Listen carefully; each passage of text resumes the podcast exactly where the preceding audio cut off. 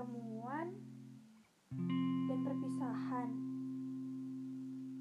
merupakan sesuatu yang biasa kita lalui,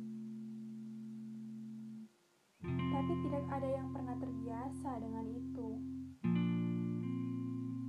Beberapa di antaranya bahkan pulih dalam waktu yang sangat panjang.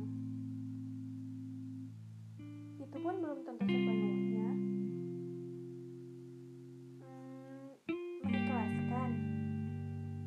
Paling akhir dalam mencintai seseorang. Bukan lagi memaksakan untuk terus bersama, tapi tentang bagaimana hati mencoba untuk merelakan. Udah cukup perjuangan kamu selama ini. Menepi sejenak bukan pilihan yang salah. Aku gak maksa kamu untuk melupakan. Lebih tepatnya, sekedar menjaga jarak. Jangan mau terjebak pada ketergantungan untuk selalu ingin dicintai. Berdoa aja biar ditakdirkan dengannya. Ada-ada aja kok jalannya untuk bersatu lagi. Tapi bukan sekarang. Mungkin nanti. Cukup lihat dari jauh aja dulu.